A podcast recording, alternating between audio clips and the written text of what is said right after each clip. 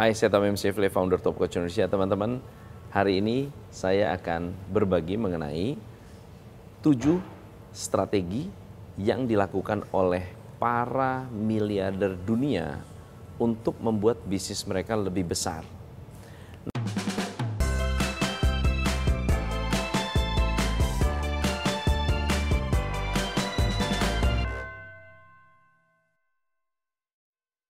Strategi ini adalah strategi yang sifatnya hampir terbalik dengan kebanyakan pengusaha-pengusaha kecil. Kalau kita memperhatikan, ada banyak pengusaha besar yang benar-benar mendunia, memiliki karyawan ribuan. Mereka ternyata memiliki kesamaan mindset. Kesamaan mindset yang akan saya share juga akan saya berikan pembandingnya dengan para pengusaha yang sulit berkembang. So, saya mau cerita dulu tentang pengusaha-pengusaha yang sulit berkembang. Teman-teman para pengusaha yang bisnisnya sulit berkembang sering kali memiliki mindset yang sangat-sangat unik. Mindset mereka rata-rata adalah percaya kepada mitos. Salah satu mitos yang dipercayai adalah bahwa bisnis itu tidak bisa ditinggalkan yang kedua, mitosnya adalah nyari karyawan itu susah. Mitos yang ketiga, mereka merasa bahwa kalau kita ingin bisnis berkembang harus kerja keras. Dan mari kita lihat bagaimana cara berpikir para miliarder. Ini adalah sebuah research yang dilakukan oleh Richard Lee. Richard Lee adalah salah satu peneliti dan juga seorang penulis yang menulis di blognya Kron. Lalu kemudian mereka, beliau menyampaikan atau menggali dan menemukan adanya kesamaan para miliarder besar. Yang pertama, para miliarder dunia merencanakan suksesi. Sementara pengusaha-pengusaha kecil tidak berpikir tentang suksesi. Mereka justru ketakutan untuk berbagi suksesi. Ketakutan kalau perusahaannya direbut orang. Bahkan takut kalau misalnya suatu hari mengajarkan GM atau mengajarkan seorang anak atau bahkan mengajarkan orang yang akan menjadi pengganti lalu penggantinya ini nanti akan membelot membuka perusahaan sendiri. Teman-teman memiliki suksesi adalah syarat pertama jika Anda ingin membuat bisnis Anda besar. Kalau Anda terus-menerus yang menjalankan bisnis, Anda terus-menerus yang terlibat operasional, Anda terus yang harus mengontrol, Anda terus yang harus memastikan bahwa proses berjalan dengan benar, berarti tanpa Anda, bisnis Anda berhenti Nah, bukan hanya kita berpikir tentang cara mensistemasi, tetapi harus ada orang yang menggantikan posisi Anda. Dan itu tidak bisa dicari semalam. Anda tidak bisa mencari suksesi, hari ini Anda memutuskan, lalu bulan depan akan datang. Anda harus cari suksesi atau bahkan harus memikirkan suksesi sejak awal Anda membuka bisnis atau sejak Anda mengembangkan bisnis. Suksesi harus dibangun dengan tahapan nomor satu bisa dipercaya. Nomor dua bisa melakukan tugasnya dengan baik. Nomor tiga memastikan bahwa orang ini mampu mengembangkan perusahaan. Dan ada dua cara untuk menemukan suksesi. Nomor satu, Anda mencari dari luar Nomor dua, Anda mencari atau membangun dari dalam. Nomor dua, memiliki perencanaan distribusi kekayaan. Ada satu kasus yang cukup menarik yang pernah saya latih dan hari ini ada beberapa yang masih berlanjut. Ada perusahaan yang boleh dikatakan sangat skalanya besar. Jumlah karyawannya 4.000. Mereka adalah manufacturer, uh, kemudian ada dealer, ada manufacturer untuk aksesoris, uh, kemudian ada juga distribusi dan mereka memiliki empat bersaudara. Oke, okay? ada uh, orang tua di pembentuknya atau foundernya adalah uh, suami istri, lalu ada empat anak. Nah, empat anak ini tidak ada satupun yang terlibat di bisnis. Tidak ada satupun yang terlibat di bisnis. Ayahnya waktu itu umurnya sudah 55-an tahun, bertemu dengan saya, kita melakukan banyak sekali improvement di proses di keuangan, di karyawan dan di proyek-proyek uh, baru mereka. Nah, ada satu hal yang cukup menarik yang mereka katakan. Dia bilang, saya sulit sekali untuk menemukan suksesi, sehingga saya harus merekrut orang yang sudah profesional masuk ke dalam sebuah perusahaan. Jadi CEO dari perusahaan besar ke perusahaan ini. Yang jadi masalah adalah kalau ownernya ini tidak ada, sudah tidak terlibat lagi di bisnis, apa yang harus dilakukan dengan kekayaannya? Maka saya mengatakan Bapak harus memiliki yang namanya trust fund. Trust fund yaitu membuat sebuah perencanaan wasiat. Kenapa ini penting?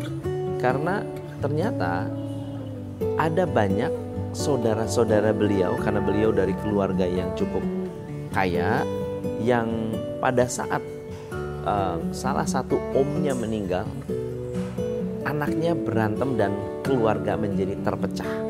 Dan yang menarik adalah omnya ini tidak meninggal di usia lanjut justru meninggalnya di usia yang relatif muda. 53 tahun sudah meninggal.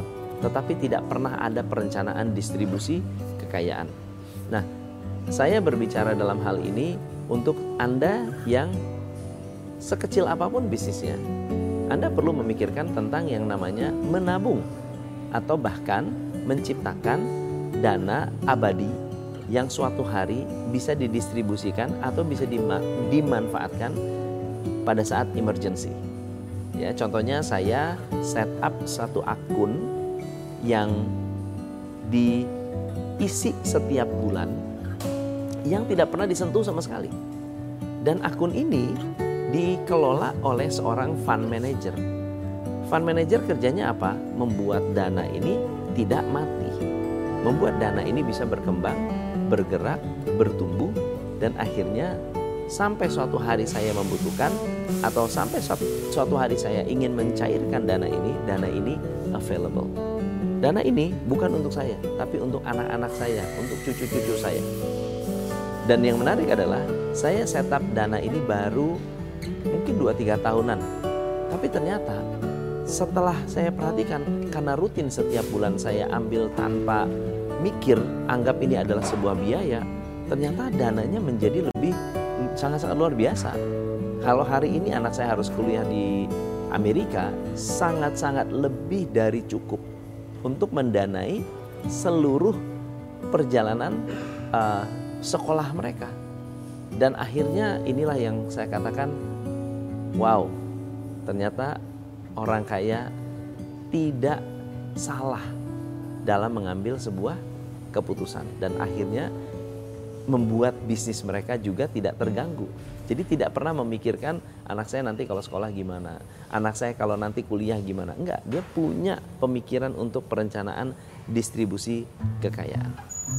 Yang ketiga, teman-teman, eh, para konglomerat, para miliarder di dunia, mereka tidak memikirkan bagaimana cara mendapatkan omset saja, tetapi memikirkan sumber dana. Ya, dalam membangun bisnis, growth need cash. Pertumbuhan butuh duit. Kalau Anda mau tumbuh, Anda mau anak Anda tumbuh, tumbuh itu butuh keuangan, butuh uh, dana, butuh makan, butuh ekstra gizi. Sehingga pada saat Anda nanti memiliki yang namanya bisnis, lalu kemudian bisnis Anda mau bertumbuh, pertumbuhan bisnis Anda harus ada ekstra dana. Apakah dana untuk uh, nambah fasilitas, dana untuk misalnya menciptakan apa namanya uh, pabrik baru atau untuk menambah karyawan. Ini semua butuh yang namanya capital expenditure, ya pe, pe, penggunaan modal atau belanja modal. Nah, para konglomerat ini atau para miliarder ini tidak hanya sekedar menabung saja, tetapi juga berpikir bagaimana pada suatu hari ada orang yang mensupport pertumbuhan ini. Sehingga mereka bekerja sama atau bahkan mengembangkan bisnis-bisnis yang cash flow oriented. Misalnya contohnya bisnis retail. Bisnis retail itu cash oriented atau bisnis-bisnis um, perbankan. Perbankan setiap hari pengelolaan uang, uangnya masuk terus. Ya, sehingga suatu saat suatu hari nanti dengan keuntungannya dengan profit yang didapatkan dari bisnis tersebut bisa mensupport pertumbuhan bisnis lainnya. Atau misalnya mereka memiliki yang namanya perencanaan untuk go public. Karena pada suatu pada suatu saat go public itu menjadi sangat perlu untuk semua bisnis karena publik yang akan membantu Anda menambah modal kerja atau modal bisnis Anda. Nah, perencanaan sumber modal ini menjadi sangat-sangat penting. Tidak selalu harus berhutang. Karena banyak sekali bisnis di luar sana yang nggak punya hutang sama sekali. Kalau Anda lihat laporan keuangan Apple, Apple utangnya kecil. Kalau Anda melihat laporan keuangan Microsoft, uh, mereka hutangnya kecil sekali. Oke, okay? so apakah Anda sudah memikirkan sumber dana untuk membuat bisnis Anda berkembang tidak selalu dari hutang? Hindari hutang sejauh mungkin, sepanjang mungkin, selama mungkin. Yang keempat ini satu hal yang cukup menarik kemarin pada saat saya melakukan full year plan bersama tim di Top Coach Indonesia, saya bertemu dengan mantan uh, bos saya. Nah, mantan bos saya adalah yang punya hotelnya. Uh, beliau juga punya transport, punya banyak hal. Uh, dan lalu kemudian dan saya adalah oh, direkrut langsung oleh beliau. Lalu dia cerita, Tom kamu di mana sekarang? Oh saya bilang saya lagi meeting nih sama tim. Wah hebat ya, luar biasa. Karyawan kamu berapa? saya bilang karyawan saya ada sekitar 50-an lah dengan beberapa bidang ya ada beberapa bisnis kira-kira 50-an lah Pak kalau di internal kita sekitar 15 kalau di uh, lembaga keuangan sekitar 15-an lebih hampir 20 lalu ada di radio dan seterusnya dan seterusnya dibilang wah kamu uh, perkembangan bisnis bagaimana sekarang saya justru tanya balik, Bapak gimana Pak? Saya mau dong Pak diajarin gimana caranya ngembangin bisnis. Karena beliau bisnisnya udah triliunan. Jadi uh, senang banget untuk bisa sharing dengan beliau. Dia mengatakan satu hal. Kalau kamu mau bisnis besar, bisnis besar cepat, butuh modal. Tapi kalau mau bisnis bertahan lama, butuh culture. Butuh corporate culture. Untuk membangun corporate culture, kamu harus sering berbagi pengalaman. Dan ini terbalik dari banyak pengusaha di luar sana. Pengusaha-pengusaha kecil, kalau kita lihat nomor satu, tidak mau berbagi suksesi. Nomor dua, mereka mencari sumber dana saat dibutuhkan, bukan merencanakan sumber dana. Nomor tiga adalah uh, mereka merencanakan sumber dana, lalu kemudian tidak mendistribusikan kekayaan. Mereka nyimpen uang sendiri, jangan sampai ada orang yang tahu. Tetapi yang keempat ini adalah mereka memiliki mindset berbagi pengalaman itu adalah rahasia. Takut banget bagi-bagi pengalaman. Ada dua kemungkinan lah. Mungkin takut, ada yang dengar, atau bisa jadi karena malu. Tetapi ternyata pengalaman kita yang dibagikan ke karyawan, yang dibagikan ke customer, yang dibagikan ke media adalah salah satu cara untuk membangun culture karena di balik pengalaman Anda ada etos, ada mental, ada mindset, ada semangat yang bisa ditularkan ke semua karyawan Anda dan menurut saya sangat-sangat powerful. Lima, miliarder di luar sana sangat-sangat senang melihat orang lain berkembang. Jadi mereka tidak hanya sekedar berbagi pengalaman. Yang kelima ini mengajarkan membantu orang lain untuk sukses. Ada yang membantu dengan cara mendanai pendidikan, mendanai sekolah. Ada. Ada juga yang memang membantu dengan bersedekah. Ada yang membantu dengan cara mengajar di uh, universitas-universitas tanpa mau dibayar. Ada juga yang dengan sangat-sangat uh, senang hati uh, membuka kelas-kelas yang bisa diakses oleh orang-orang yang membutuhkan lalu kemudian bisa belajar langsung dari mereka. Salah satu orang yang saya tahu, orang yang saya kenal adalah Pak Hermanto. Beliau adalah pemilik Cat Avian. Mereka beliau adalah pemilik dari air minum Cleo dan berbagai macam bisnis yang luar biasa ya puluhan ratusan mungkin bisnis yang beliau telah uh, rintis dan beliau cerita ke saya Tom saya itu punya uh, semangat untuk ingin berbagi. Saya mau berbagi itu dengan cara membina orang-orang yang miskin lalu diajarkan bisnis. Coba bayangkan. Coba bayangkan. Orang sesibuk beliau sibuk mencari orang yang mau diajarin. Dan yang luar biasa adalah dari sekian banyak orang yang diajarkan, yang jadi udah pastinya tidak banyak. Kenapa? Karena ada orang yang tidak bersyukur, ada orang yang tidak suka, ada orang yang tidak bakat, dan seterusnya. Tetapi yang jadi ada juga. Lalu dia begini, dia bilang begini, Eh, coach daripada saya mengajarkan orang satu-satu rasanya kayaknya tidak leverage jadi saya sudah niat untuk melakukan sesuatu yang luar biasa yaitu apa beliau ingin uh, mengajarkan lebih banyak orang mungkin dengan cara uh, mendirikan yayasan mendirikan sekolah mendirikan apa pun yang pasti adalah ingin berbagi nah teman-teman anda kalau punya semangat ingin berbagi berbagi saja sudah menghasilkan kekayaan. Berbagi saja. Apalagi kalau berbagi dalam uh, skala yang masif. Jadi teman-teman, jangan takut berbagi, jangan takut bersedekah. Sedekah itu akan menghasilkan berlipat-lipat dari apa yang kita keluarkan. Karena sedekah membuka pintu rezeki yang lebih besar, yang lebih luas, yang lebih seru. Keenam ya. Yang keenam adalah tidak ada satupun juga para pengusaha yang sukses dan kaya raya yang tidak punya misi yang besar.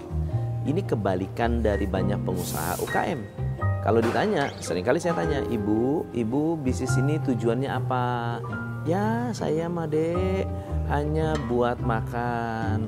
Ya saya made asal bisa nyekolahin anak. Ah saya made asal bisa bayar utang-utang.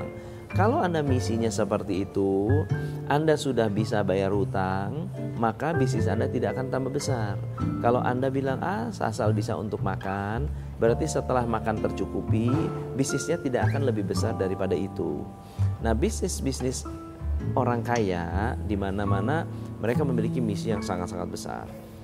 Steve Jobs, misinya adalah to put a dent in the universe. Coba, mau bikin tanda menciptakan tanda di alam semesta, di mana dia ingin menciptakan sesuatu yang bermanfaat untuk umat manusia. Microsoft visinya bukan menjadi perusahaan terbaik di dunia, enggak. To put a computer in every home. Ya, punya memiliki misi di mana menaruh komputer di setiap rumah tangga. Coba kalau Anda punya RT, RW, berapa jumlah rumah di sana, lalu berapa banyak orang yang tidak punya komputer hari ini. Kalau Microsoft bilang, ah saya ini bisnis yang penting bisa makan, kita nggak akan ketemu dengan Bill Gates. Ya, Starbucks, Starbucks memiliki misi one cup, one neighborhood at a time. Jadi dia sangat-sangat mengutamakan kualitas untuk menciptakan lingkungan. Jadi bukan hanya sekadar jualan kopi, tapi ingin menciptakan sebuah community. Bisnis besar, bisnis hebat, punya misi besar. Apa misi Anda? Tulis komen di bawah ini. Yang ketujuh, teman-teman, semua orang sukses, kaya raya, mereka fokus satu hal, yaitu meneruskan nilai-nilai kehidupan mengajarkan nilai-nilai kehidupan. Ada satu analisa dari Gallup, ada sekitar 192 perusahaan dari 32 negara. Perusahaan ini memfokuskan kepada culture, memfokuskan kepada nilai-nilai yang ditularkan oleh business owner ini. Dan ternyata dari semua perusahaan yang diteliti, perusahaan yang fokus pada uang memiliki customer retention yang lebih rendah, karyawan keluar masuk lebih tinggi. Bisnis-bisnis yang fokus pada culture memiliki retention karyawan yang lebih tinggi. Tetapi customernya juga lebih banyak bertahan. Dan ini menunjukkan suatu pelajaran di mana bisnis Anda kalau ingin besar fokuskan kepada budaya. Budaya mulai dari ownernya. Budaya mulai dari kita. Ada orang bernama Sheila Driscoll, Sheila Barry Driscoll. Ini adalah orang yang bekerja untuk keluarga kaya. Kerja dengan keluarga kaya. Apa yang diajarkan nomor satu oleh keluarga kaya? Dia mengatakan begini, anak-anak keluarga kaya nomor satu diajarkan cara berbagi. Dan ini adalah salah satu cara yang membuat orang-orang kaya tambah kaya karena tidak takut investasi. Karena buat mereka berbagi adalah investasi. Investasi untuk menyentuh hati orang, investasi untuk membangun kekayaan, investasi untuk mengembangkan bisnis dengan lebih besar lagi. Mereka diajarkan yang kedua adalah menempatkan orang lain lebih dulu daripada diri sendiri. Saya pernah ketemu dengan keluarga konglomerat kaya raya, kaya banget. Yang aneh luar biasa adalah saya duduk, saya diterima, saya dilayani. Saya dilayani. Makan tuh di, diambilin. Om, om, ini kebetulan karena papanya adalah klien saya, om baik banget, sopan banget, tidak mementingkan diri, melayani luar biasa. Bayangin salaman aja. Salaman ini udah gede nih anak ini sudah lulus kuliah. Salaman sama saya cium tangan. Cium tangan. Yang luar biasa adalah saya tanya ini bapak ngajarinnya gimana? Mengajarkan nilai-nilai luhur sopan santun dan ramah tamah. Tetapi caranya gimana?